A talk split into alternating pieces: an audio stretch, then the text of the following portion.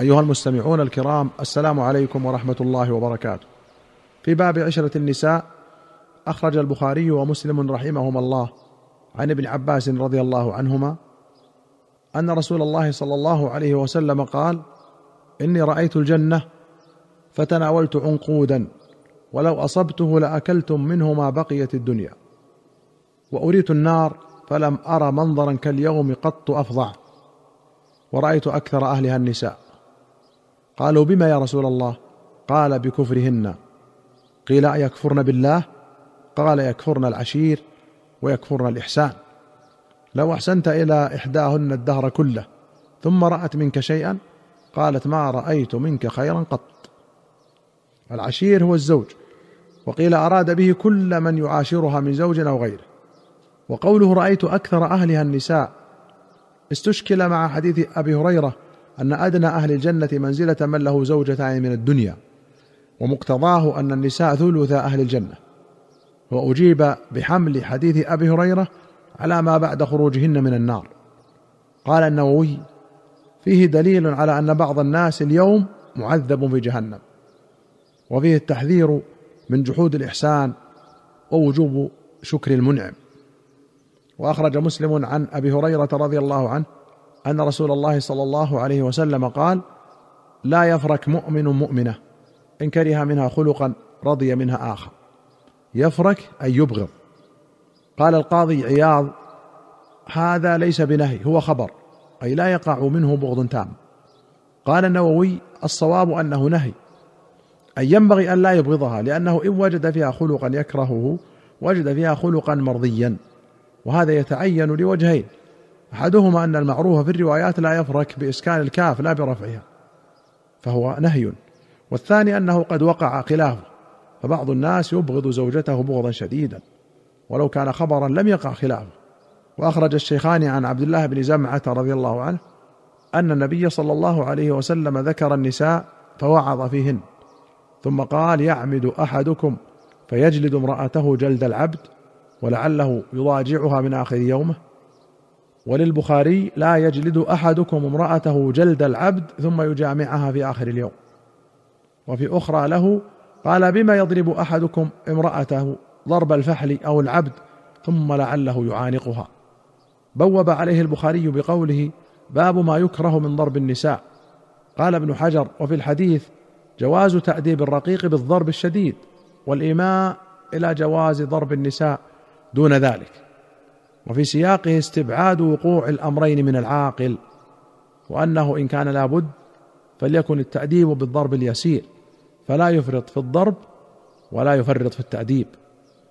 وأخرج الشافعي وأحمد وابن ماجة وأبو داود والترمذي والنسائي وابن حبان والطبراني في الكبير والحاكم والبيهقي في السنن رحمهم الله جميعا بسند صحيح عن لقيط بن صبرة رضي الله عنه قال قلت يا رسول الله إن لي امرأة وإن في لسانها شيئا يعني البذاء.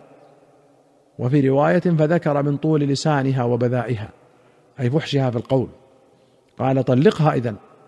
قلت إن لها صحبة وإن لي منها ولدا. قال فعظها فإن يك فيها خير فستفعل. ولا تضرب ضعينتك كضربك أميتك. وفي رواية كضربك أمتك. قال الخطابي ليس فيه منع ضربهن عند الحاجة. فقد أباحه الله في قوله واضربوهن وإنما فيه النهي عن تبريح الضرب كما يضرب المماليك وتمثيله بضرب المماليك لا يبيحه بل هو ذم له. وقد نهى صلى الله عليه وسلم عن ضرب المماليك إلا في الحدود وأمرنا بالإحسان إليهم وقال من لم يوافقكم منهم فبيعوه ولا تعذبوا خلق الله. فأما ضرب الدواب فمباح لأنها لا تتأدب بالكلام ولا تعقل معاني الخطاب. وأخرج أحمد وابن ماجه وأبو داود والنسائي والطبراني في الكبير والحاكم والبيهقي في السنن بسند حسن عن بهز بن حكيم عن أبيه عن جده قال قلت يا رسول الله ما حق زوجة أحدنا عليه؟ قال أن تطعمها إذا طعمت وتكسوها إذا اكتسيت ولا تضرب الوجه ولا تقبح ولا تهجر إلا في البيت وفي رواية إلا في المبيت وفي أخرى قلت يا رسول الله ما حق نسائنا؟ وما نأتي منها وما نذر. قال أت حرثك أن شئت وأطعمها إذا طعمت واكسها إذا اكتسيت ولا تقبح الوجه ولا تضرب. قال أبو داود لا تقبح أن تقول قبحك الله. قوله لا تهجر إلا في البيت أو المبيت أصح منه ما ثبت أن النبي صلى الله عليه وسلم هجر نساءه في غير بيوتهن وظل في المشروبة شهرا. وسيأتي إن شاء الله في باب الإيلاء وكذلك قوله ولا تضرب أصح منه قوله يوم عرفة فاضربوهن ضربا غير مبرح وقد نص عليه القرآن لمن تحتاجه من النساء.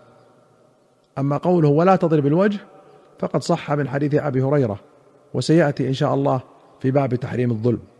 وأخرج الشيخان رحمهما الله عن أبي هريرة رضي الله عنه أن النبي صلى الله عليه وسلم قال لا يحل للمرأة أن تصوم وزوجها شاهد إلا بإذنه ولا تأذن في بيته زاد في مسلم وهو شاهد إلا بإذنه وما أنفقت من كسبه من غير أمره فله نصف أجره. وللبخاري فإنه يؤدى إليه شطره. قال الحافظ ابن حجر زيادة مسلم وهو شاهد خرجت مخرج الغالب وإلا فغيبته لا تقتضي الإباحة بل يتأكد حينها المنع. لثبوت النهي عن الدخول على المغيبة التي غاب زوجها. ورواية البخاري يؤدى إليه شطره أي نصفه والمراد نصف الأجر كما جاء واضحا في الرواية السابقة. وفي رواية أبي داود فلها نصف أجره. وأغرب الخطابي فحمل قوله يؤدى إليه شطره على المال المنفق. وأخرج البخاري ومسلم عن عبد الله ابن محيريز قال دخلت المسجد فرأيت أبا سعيد الخدري فجلست إليه فسألته عن العزل فقال خرجنا مع رسول الله صلى الله عليه وسلم في غزوة بني المصطلق فأصبنا سبيا من سبي العرب فاشتهينا النساء واشتدت علينا العزبة وأحببنا العزل فأردنا أن نعزل. وقلنا نعزل ورسول الله صلى الله عليه وسلم بين أظهرنا قبل أن نسأله فسألناه عن ذلك فقال ما عليكم ألا تفعل ما من نسمة كائنة إلى يوم القيامة إلا وهي كائنة. وفي رواية قال في غزوة بني المصطلق إنهم أصابوا سبايا فأرادوا أن يستمتعوا بهن ولا يحملن. فسألوا النبي صلى الله عليه وسلم فقال ما عليكم ألا تفعلوا؟ فإن الله قد كتب من هو خالق إلى يوم القيامة. وللبخاري قال جاء رجل من الأنصار فقال يا رسول الله إنا نصيب سبيا ونحب المال. كيف ترى في العزل؟ فقال رسول الله صلى الله عليه وسلم أو إنكم لتفعلون ذلك؟ لا عليكم ألا تفعلوا. فإنه ليست نسمة كتب الله أن تخرج إلا هي كائنة. ولمسلم قال لا عليكم ألا تفعلوا. ما كتب الله خلق نسمة هي كائنة إلى يوم القيامة إلا ستكون. وفي أخرى له قال سئل رسول الله صلى الله عليه وسلم عن العزم فقال ما من كل الماء يكون الولد وإذا أراد الله خلق شيء لم يمنعه شيء. وفي أخرى له قال ذكر العزل عند النبي صلى الله عليه وسلم. فقال وما ذاكم؟ قالوا الرجل تكون له المرأة ترضع فيصيب منها ويكره أن تحمل. والرجل تكون له الأمة فيصيب منها ويكره أن تحمل منه. قال فلا عليكم ألا تفعلوا ذاكم فإنما هو القدر. قال ابن عون فحدثت به الحسن. فقال والله لكأن هذا زجر. قوله اشتدت من العزبة أي فقد الأزواج ومنه العزب الذي لا زوج له. والعزل قذف الماء عند الجماع خارج الفرج. أيها المستمعون الكرام إلى هنا نأتي إلى نهاية هذه الحلقة. حتى نلقاكم في حلقة قادمة إن شاء الله. نستودعكم الله. والسلام عليكم ورحمة الله وبركاته.